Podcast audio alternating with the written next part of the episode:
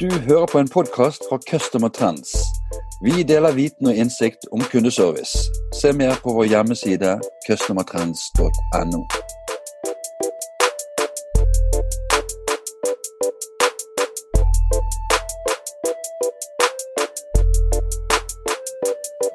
Hei og velkommen til en ny kundeservice-podkast. Mitt navn er Bjarte Lysand fra Customer Trends. I dag skal vi snakke om kultur for gode kundeopplevelser. Og det er en stor glede for meg å ønske velkommen eh, dagens gjest. Daglig leder av Omnicus, eh, Omnicus Eivind Jonassen. Eh, velkommen, Eivind.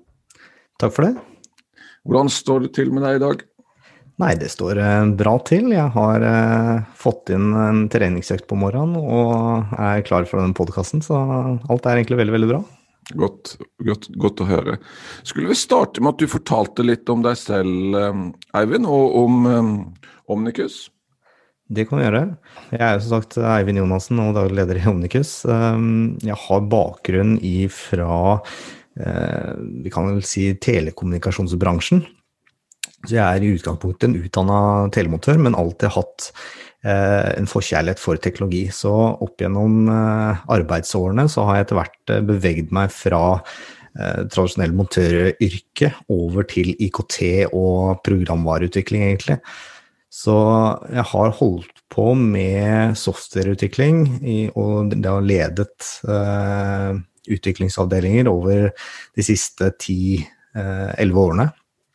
Eh, og starta Omnicus i 2016 da med mål om å hjelpe kundesentre med å få en bedre dialog med sine kunder, med å samle liksom alle disse kanalene som man er eh, eksponert for sine kunder. Da. Inn i en og samme plattform, og igjen kunne da bruke den innsikten for å forbedre kundeopplevelsene som eh, kundene har med sine, med sine leverandører. Og nedslagsfeltet ditt sånn geografisk, hva er det? Vi eh, tenker jo globalt, men det er jo klart at vi begynner jo i eh, Eller vi har begynt i Norge, og etter hvert så eh, på en måte skal vi også ekspandere utover. Vi har noen uh, følere ute og har et par kunder i, i USA, så det er et ganske spennende spor som kom nå i sommer. Og det måtte vi egentlig litt begynne å teste litt på, rett og slett pga. pandemien og litt begrensa av mulige investeringer her i Norge, rett og slett. Hvordan er det å starte opp et, et nytt selskap i, eh, innenfor kundeservice? Har du noen refleksjoner du kan dele med oss?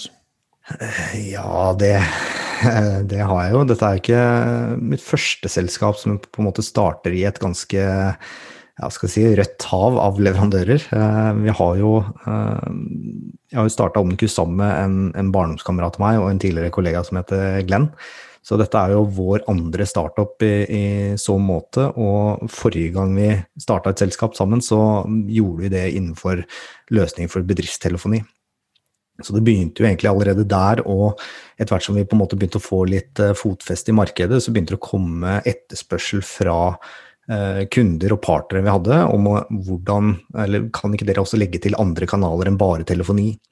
Så det var egentlig der det starta litt, og så ble det til at vi, vi, forsøkte å gjøre det i gamle selskapet, men der var litt uenigheter om, om, hvordan vi skulle eventuelt klare å gjennomføre det, så vi, til slutt så endte vi opp da med å starte Omnikus tilbake i 2016. Da.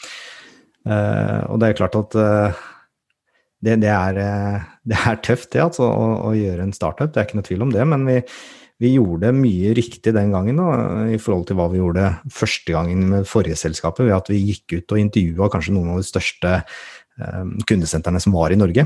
Rett og slett for å bekrefte en del hypoteser i forhold til hva vi mente var nødvendig i markedet. Eh, så vi starta egentlig ikke med noe utvikling av noen plattform før det hadde gått åtte-ni måneder, eh, egentlig.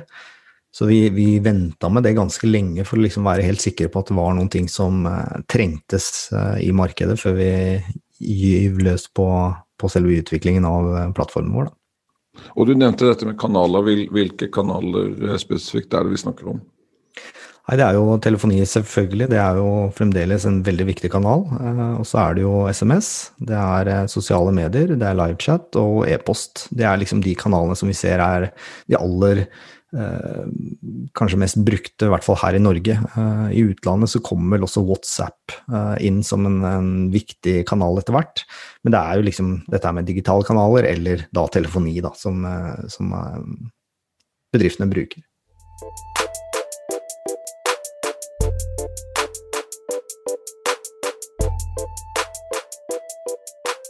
Vi skal snakke om kultur for gode kundeopplevelser Eivind og jeg har eh, forberedt eh, noen spørsmål. Det første spørsmålet det lyder eh, Hva er nøkkelen til gode kundeopplevelser? Det er jo et eh, veldig godt spørsmål, da. Um, nøkkelen til gode kundeopplevelser, det må jo være selvfølgelig, og det, det, er vel kanskje litt sånn en selvfølge, men det er jo å sette kunden i, i fokus. Altså se ting fra kundens perspektiv det, det, tror jeg er utrolig viktig. Og mange av de selskapene som vi er i kontakt med, ikke bare i forbindelse med Omnikus, men også de selskapene som jeg på en måte er i dialog med i, i mitt private når jeg er utdannet tjenester, så, så, er det ikke, det er ikke en, liksom en, overvekt av selskaper som på en måte har satt seg inn i kundens ståsted for å se hvordan er det denne opplevelsen er for vår kunde når, man går gjennom kjøpsreisen i forhold til før jeg gjør et salg, underveis i et salg, og også etter et salg. Og der, eh, der, der mener jeg vi har et stort potensial, eh, i hvert fall i Norge, i forhold til å skape bedre opplevelser. Hvorfor tror du det er sånn? Hvorfor, hvorfor setter man ikke kunden i fokus?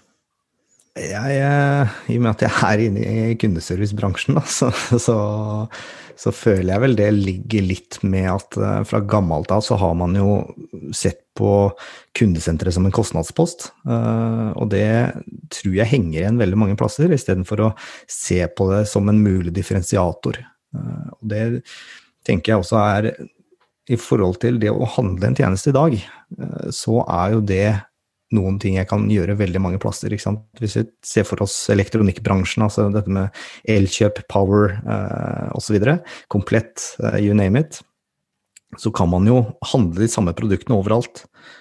Og da er det jo klart at den gangen jeg har et problem og trenger hjelp, eller jeg lurer på et eller annet og også søker hjelp på nettsiden via kundeservice, hva enn det måtte være, så er det selvfølgelig det selskapet som klarer å gi meg det svaret raskest mulig på den mest eh, effektive måten, da, sett fra mitt ståsted. Det er jo de jeg vil komme tilbake til, for det er jo de jeg vil huske. Det er jo der jeg vil huske at jeg har hatt en god opplevelse.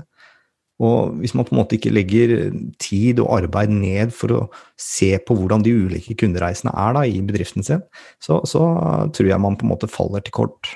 Og der er det jo et, et veldig stort mulighetsrom for, for, eh, de aller, aller fleste å skape de beste opplevelsene i, i så måte. Du nevnte det her med, med kundefokus. Eh, hvis du skal dele eller hvis du skal si noe mer om enkeltelementene i kundefokus, for det er så lett å skrive sant, og så kanskje vanskelig å gjennomføre. Hva, hva, handler Eller hvilke elementer kan du dele det opp i? Det er et godt spørsmål, altså, men, men uh, jeg, jeg, vil liksom se på litt sånn vi har liksom sett på en del ulike øvelser man kan gjøre, spesielt da på kundesenteret. Og det, det er jo bl.a. at når man liksom sitter og diskuterer på uh, møterommet da, i forbindelse med ulike ting som skjer på kundesenteret, så, så, er det ofte at vi anbefaler liksom å ha en, en tom stol i rommet som, som, skal representere kunden. Slik at man alltid har det i mente når man ser på, på de ulike problemstillingene som man drøfter på kundesenteret. En annen ting man kan også gjøre, er jo på en måte å ha en i møterommet som skal representere kunden. Slik at man alltid har det i mente når man driver og diskuterer her. Hva tenker du om ledelse og, og, og kundeopplevelse? Hvor viktig er eh, lederen for virksomheten eller kundesenteret? Nei, altså Lederen for kundesenteret opplever jeg eh, gjør sitt beste ut fra det mandatet de har fått. Um, og, og, av og til så, så, føler jeg vel at enkelte kanskje føler seg litt aleine. Uh, føler liksom ikke at uh, kundesenteret blir sett på som, uh, som en viktig del av bedriften. Uh, og jeg hadde en, en, eh, en, spennende prat her med, med en annen uh, her, forrige dagen, hvor, hvor, han sier at liksom Veldig ofte så står man da på ledersamlinger, og så uh, står man liksom på allmøte og, og, heier frem alle avdelingene. Og så blir det litt sånn Ja, også kundeservice, da. Veldig flinke dere også. Det syns jeg liksom var en veldig godt uh, beskrevet hvordan jeg tror veldig mange som jobber på kundeservice, opplever det. da. Så, så man på en måte opplever jo egentlig at kundeservice er mer et nødvendig onde, uh, istedenfor for uh, noen ting som man kan bruke til å liksom skape bedre opplevelser. Uh, skape, sørge for at kunden kommer tilbake. Rett og slett gi den innsikten til de andre avdelingene på, på, i bedriften, da, sånn at de også kan forbedre seg, som igjen skaper gode opplevelser andre plasser enn bare når man er i dialog med kundesenteret. For det mener jeg liksom er en av de en av de viktigste tingene her, det er jo at kundesenteret må jo samle innsikt når de blir kontakta av kundene sine, og igjen da ta med den innsikten tilbake til andre deler av bedriften, som faktisk eh, kan forbedre eller gjøre om på Eh, hvordan kunden opplever eh, ulike deler av eh, virksomheten.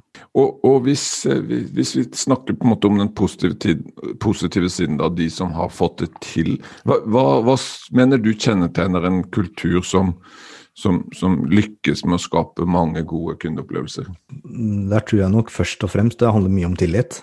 Det å gi den ansatte på kundesenteret tillit til å gjennomføre selve dialogen med kunden, eh, det, det at den kanskje får et type budsjett da, som man kan forholde seg til, som sier at ja, hvis det, denne henvendelsen her er innafor 2000 kroner å fikse, så, så, står det fritt til å bare gjøre det som trengs for at det skal gå gjennom.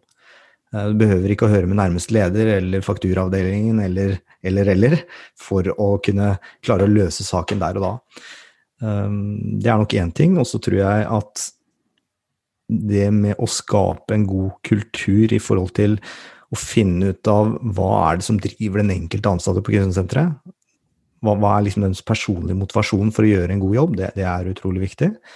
Og så er det én ting jeg savner litt på et kundesenter, og det er kanskje en uh, karrierestige. For det er jo ofte sånn at du kommer kanskje inn på kundesenteret som en deltidsansatt. Eh, det her er en, er bijobb til studiene, og det er veldig begrensa hvor lenge du, du, er på et kundesenter, kanskje. Og det er rett og slett fordi du stagnerer, da. Du, du kommer ikke noen vei videre. For neste steg er kanskje leder for kundesenteret, og den, den, posisjonen er ofte tatt, da. Så der tror jeg liksom det er hovedutfordringen for å, å liksom skape en ordentlig karrierestege på kundesenteret, som liksom gjør at du kan være der mer enn en, en to-tre år og fortsatt få utfordringer i hverdagen, det, det, tror jeg kanskje er eh, en av de viktigste tingene å ta tak i i tiden som kommer.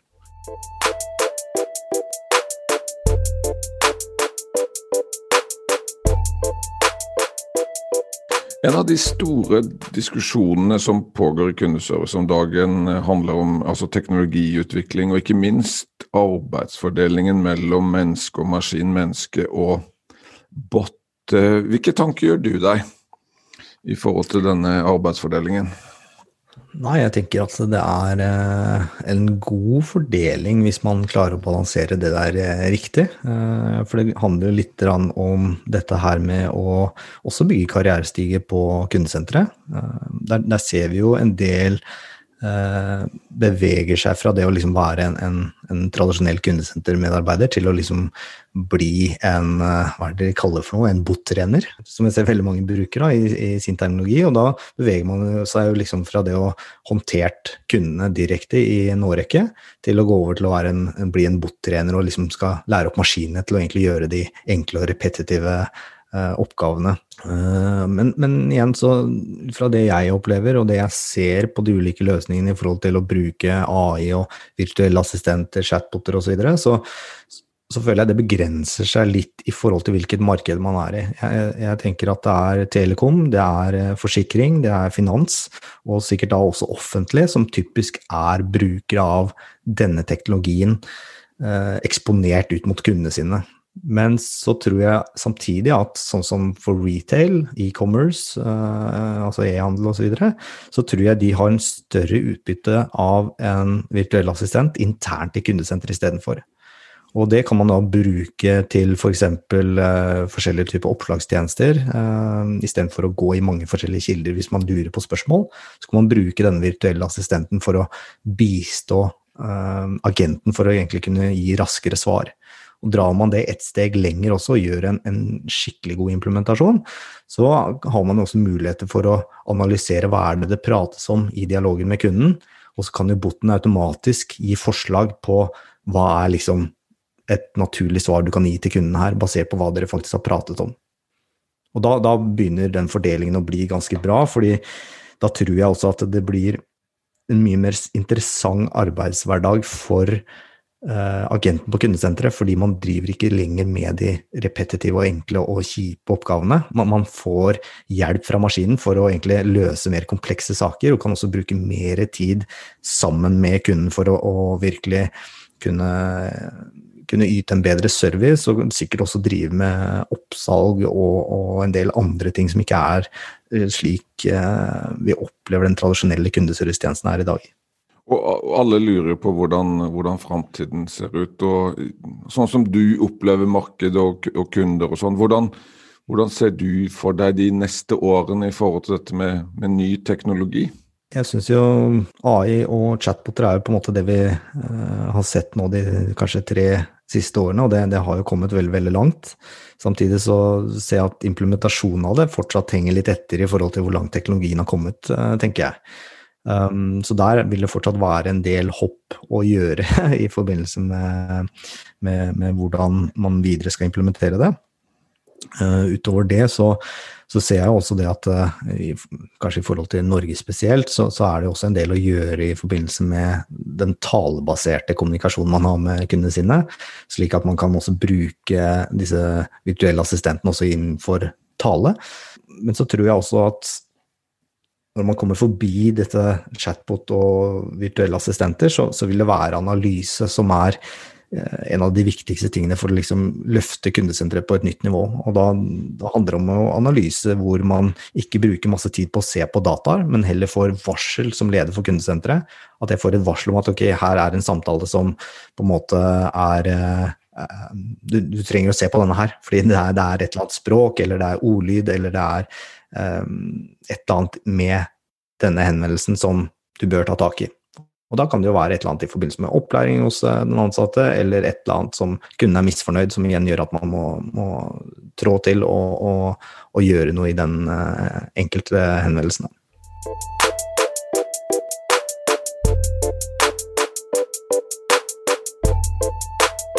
Eivind, jeg hadde lyst til å spørre deg eh, litt i forhold til um, pandemien. Um, nå har vi jo levd i unntakstilstand siden eh, mars 2020. Eh, Hva, hvordan opplever du at pandemien har påvirket eh, kunder, og ikke minst kundeservice? Jeg, jeg, jeg tror en del fikk seg et sjokk. hvor liksom majoriteten av altså Vi går tilbake til mars, da. Og majoriteten av liksom Norges befolkning fikk beskjed om å holde seg hjemme. Så tror jeg nok, i hvert fall innenfor e-handel, at de som betjente kundeservice der, fikk seg en brutal uh, opplevelse. Og det er rett og slett fordi vi, vi måtte jo endre på kjøp, kjøpevanene våre. Én ting er jo at man ikke lenger da kunne gå ut i butikk i like stor grad. men der kommer liksom den andre faktoren inn da, som gjorde at folk satt hjemme og hadde ikke så mye å gjøre heller. Så jeg tror nok liksom de som Eh, hadde på tapetet og skulle pusse opp. De, de kasta seg nok en del rundt og ringte rundt en del varehus for å bestille, få hjelp, assistanse. Og det er jo klart at eh, jeg tror nok det var en del eh, kundesentre gjennom forsommeren og sommeren som hadde mye mer å gjøre enn hva de egentlig hadde sett for seg. Det er nok ganske sikkert. Og det er jo klart at også kundesentrene fikk jo en del utfordringer i forhold til det at folk også måtte sitte på hjemmekontor for å holde avstand. Og det så vi også Jeg tror det var en, en undersøkelse fra Sør-Korea hvor man tok eh, eh hvordan et kundesenter der hadde eh, hatt et covid-19-utbrudd i en spesiell etasje, og hvor kjapt det hadde spredd seg basert på sitteplasseringene i, i rommet. Og det er jo klart at det var jo også med å påvirke hvordan kundesentrene måtte tenke her hjemme. Eh, måtte ha gjerne to meter avstand imellom. Vil si at halvparten av de ansatte måtte antageligvis gå hjem på hjemmekontor. Og da har du kundesenter med litt størrelse på, så, så er det klart at det er jo også en utfordring i forhold til hvordan er det vi skal ta temperaturen på, på kundeservicen vår i det daglige nå, når på en måte hele energien da, som man kjenner og tar litt på gjennom dagen, den er jo halvparten av den energien er jo borte. For de andre sitter jo hjemme på hjemmekontor, og du kan jo alltid si at ja, vi har kontakt via Teams. Ja, det er jo greit, men du ser jo ikke trynet til den ansatte. Du ser jo ikke hvordan er, hvordan er humøret her. Eh, ser, alt greit ut gjennom dagen? Kan jeg liksom, de små hintene man får da, når man tar en titt på sine kollegaer og ser at nei, vet du hva, jeg tror ikke vedkommende har så veldig fint i dag, eller jeg ser at nei, det er en kjempeenergi, det går kjempebra. Det er, eh, tror jeg kanskje er en kjempeutfordring. Eh, og det kommer også til å fortsette å være. Vi ser jo mange det som heier fram en kultur hvor man kan sitte på hjemmekontor og, og behøver ikke lenger kontorplasser, kan spare masse penger. Og det, det er sikkert noe sannhet i det, men, men, jeg tror på et kundesenter hvor vi opplever at kanskje oppgaven i seg selv kan være litt sånn kjedelig og eh, ensformig innimellom, da er vi dønn avhengig av å ha det gøy på jobb. For har vi det ikke gøy på jobb da, så blir alt veldig veldig kjedelig, i tillegg til at man sitter alene og begynner å spinne tanker på egen hånd, eh, som kanskje gjør at du graver deg enda mer i en kanskje litt sånn ensformig jobb akkurat den ene dagen. Det er eh, en av de viktigste tingene, tror jeg, som man må tenke på.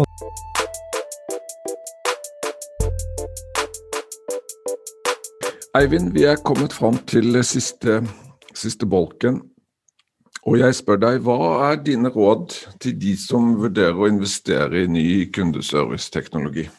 Jo, der er det jo en del uh, forskjellig å, å, ta for seg. Og det, det, det tenker jeg også handler litt om hvor kunden står en per i dag, eller kundesenteret. Uh, hvis man liksom går helt til, til basisen, da, hvor man på en måte kanskje sitter med forskjellige systemer til å håndtere ulike kanaler, så tenker jeg det er liksom prioritet nummer én. Det er å samle Eh, eller få en plattform som samler alle kanalene fra det som du eksponerer ut mot kundene dine, i én felles plattform.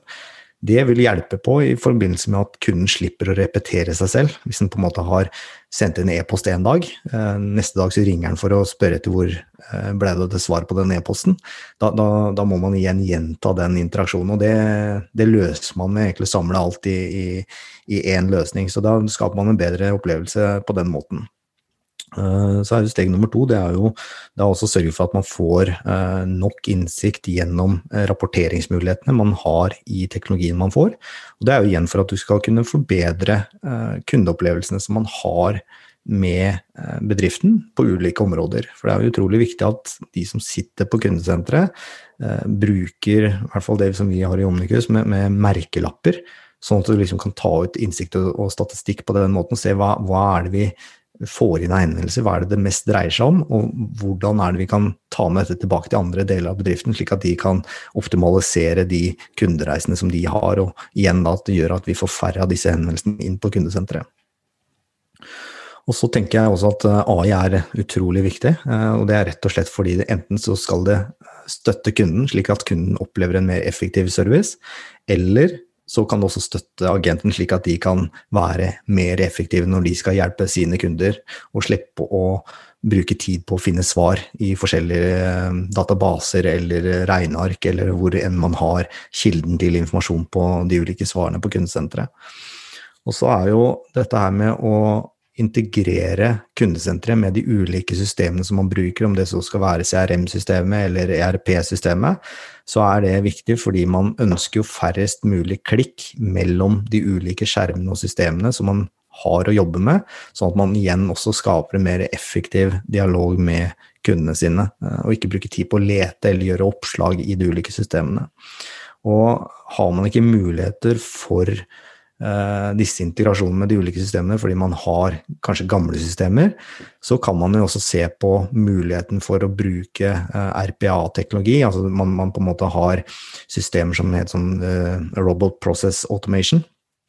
Hvor man da har en programvare som simulerer menneskelig atferd. Og det kan jo da være at man på kundesenteret sier at generer eh, denne ordren. Eh, så går, sender man egentlig en, da, en kommando til denne RPA-motoren, som igjen da simulerer eh, hvordan et menneske ville gått inn i et system, lagd en ordre og fullført den og sendt den ut til uh, kunden, om så skal være. Da. Uh, da igjen vil man jo avlaste kundesentermedarbeideren for den type jobb ved at man har gjort det gjennom teknologi. Og så tenker jeg også det er viktig i forhold til den siste biten, det å ha systemer som kan vise noen ting om hvordan ansatte jobber gjennom dagen. Eh, er de på hele tiden? Er de effektive nok? Eh, hvor mye produktivitet har vi på de ansatte gjennom dagen? Og det, det vil jo være fornuftig, fordi man får en indikasjon på, spesielt også det der med pandemien og hjemmekontoret, så ser man hvor effektiv er man gjennom dagen. og da hvis man ser at produktiviteten til den ansatte er på 30 gjennom deler av dagen, og vedkommende sitter på hjemmekontor, så er det da mye enklere å eh, ta en telefon og spørre om alt er i orden. Skal vi, skal vi bytte litt, skal vi rullere, få deg inn på kundesenteret et par dager, se om det kan hjelpe for motivasjonen. For hvis man kun bruker statistikk for å se på det kvantitative, eh, altså man ser på antall samtaler besvart osv., så, videre, så kan jo det fort gi en feil indikasjon i forhold til faktisk hvor mye produktivitet du har gjennom dagen. Da. Så det tenker jeg kanskje er det, en av de viktigste tingene i forhold til, eh, i forhold til å ivareta de ansatte. Ja, og så var du inne på tidligere dette med å, å ha en ledig stol som representerer kunden. At man bygger et system utenfra og inn. Absolutt, og det, det, det er eh, kanskje noe av det man burde begynt med før man i det hele tatt begynner på å se på teknologien. Det er å se på hvordan er kundereisene våre i dag. Eh, hva er det vi må eh, Hvordan er det den kundereisen her kan bli bedre enn det vi har i dag? Hvordan kan vi på en måte Hva er det som må til da, for at vi, vi kan skape en bedre opplevelse? Og så heller liksom Når du liksom har kartlagt hele den biten, så kan du eh, da gå tilbake og se ok, hva slags type teknologi er det vi trenger for å fullføre den eh, reisen som vi ønsker å skape. Sånn i forhold til størrelse og investeringsmengde, eller altså kroner, er det sånn at jo mer penger du putter inn i, i dette her, jo bedre blir det? Eh, jeg vil vel ikke si at desto mer penger du putter inn i teknologien, desto bedre blir det, men desto mer tid og penger du bruker i å, å avdekke kundereisene dine, desto bedre blir det. For teknologien er mer eller mindre hyllevare blant veldig mange systemer. Det kan selvfølgelig være variasjoner på hvor mye som er inkludert i de enkelte leverandørenes standardportefølje, og hvor mye liksom, sånn, eh, på godt norsk add-on må du ha for å liksom, få, få, all denne innsikten og, og chatboten og alt til å fungere. Mens alt i alt så, så av de nye eh, løsningene som leveres i dag, som er skybaserte, så, så er det klart at der, der vil man fylle ned veldig mye likt. Eh, så vil det selvfølgelig da variere på hvor mye er det som er inkludert i, i, i standardpakka som vi avgjør i pris. Men jeg, jeg, vil liksom poengtere at det aller viktigste man gjør, det er egentlig å finne ut hvordan er kundereisene, hvordan kan vi forbedre de, og da heller gå derifra og se hvordan er det, eller hvem er den rette leverandøren for å gi oss den teknologien vi trenger for å støtte opp under de kundereisene vi, har, eh, vi ønsker å skape. Eivind, da er vi kommet til eh, veis ende. Jeg ville takke deg for at du ville være med i podkasten og, og, dele av eh, erfaringen din. Tusen takk for at jeg fikk eh, være med. Det har vært veldig gøy. Ha en eh, fin dag. I like måte. Du har hørt en podkast fra Customer Trends. Vi håper du har latt deg inspirere og lært noe nytt. Finn ut mer om hvordan vi i Customer Trends kan hjelpe deg på customertrends.no.